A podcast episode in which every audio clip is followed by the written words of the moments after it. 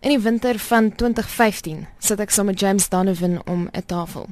Hy's 30 jaar oud.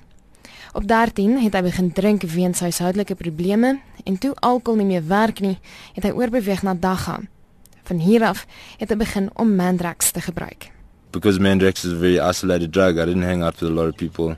You know, if I went to parties, I was the first one to leave because I was too drunk. I was too high, you know, like I, I wasn't able to cope.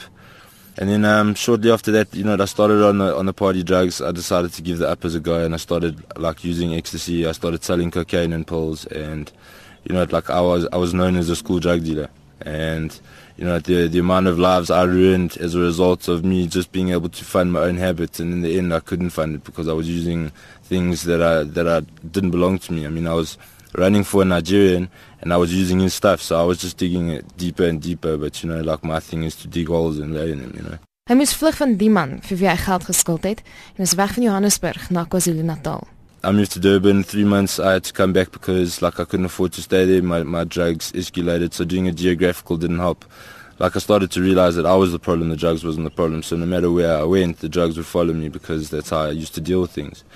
My family then uh, let me come back to home. You know, we immigrated to England um, as a family, thinking that it would be a better life. I started using there as well. Um, we ended up going around to, to people's garages, breaking in there to steal stuff, and that's how I used to fund my habit. And uh, eventually, I, I stole something. I sold it to a drug dealer.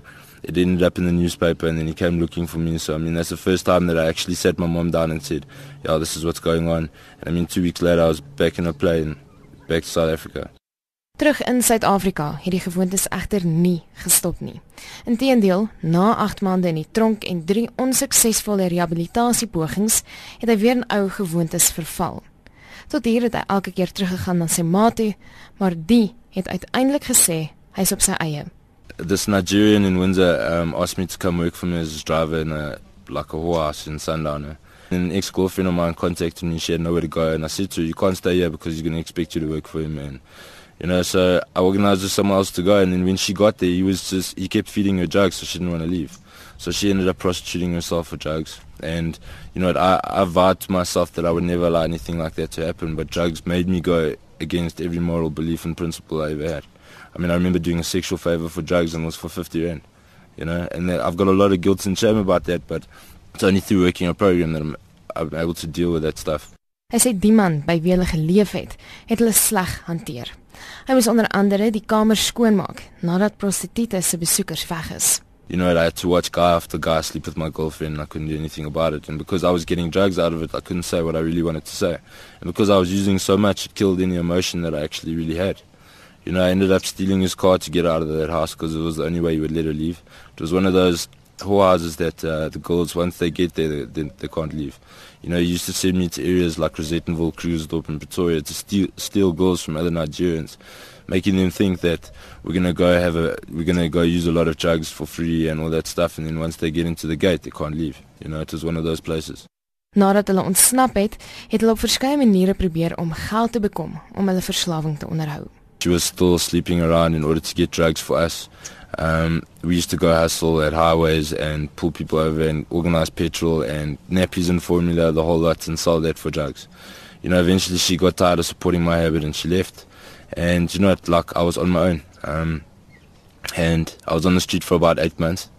Um, she used to come buy drugs, not give me anything, and you know, it like I, I had a lot of resentment towards that. But I mean, in the in the bigger scheme of things, like I realized my side of the street. Like I, I used to take advantage of her, and I did completely. You know, and I had absolutely no emotion or, or remorse with regards to that while I was still using.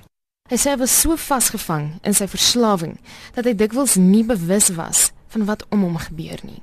I was the last person to to find out that everybody knows that I'm a drug addict. You know, I, in my head, like I justified that oh, I look fine and you know I was walking into shopping centers looking completely dirty and thinking I can get away with shoplifting and it's and, and I you know I thought I could. And every time I got caught so obviously it wasn't a successful career there so anyways this guy um, helped me get into a treatment center. I mean it took six weeks. I almost got arrested four times in, in in that period. But I managed to make it into into rehab. And you know like my my mom and my sister they didn't speak to me. I mean they only arrived at my one year share like two weeks ago, and that's the first time that I'd seen them in years. And I mean, they said to me flat out, they said, we're not going to invest emotionally, and how can you blame us? And I understand that now through working this program, that they're just trying to protect themselves. Hy sê was so vasgevang in sy verslawing dat hy dikwels nie bewus was van wat om hom gebeur nie. They say in the program that we live to use and we use to live. Um, like if I don't get money or enough money to, to score to take that pain away, like I'll do absolutely anything. And like I took huge risks. I put myself in really dangerous situations.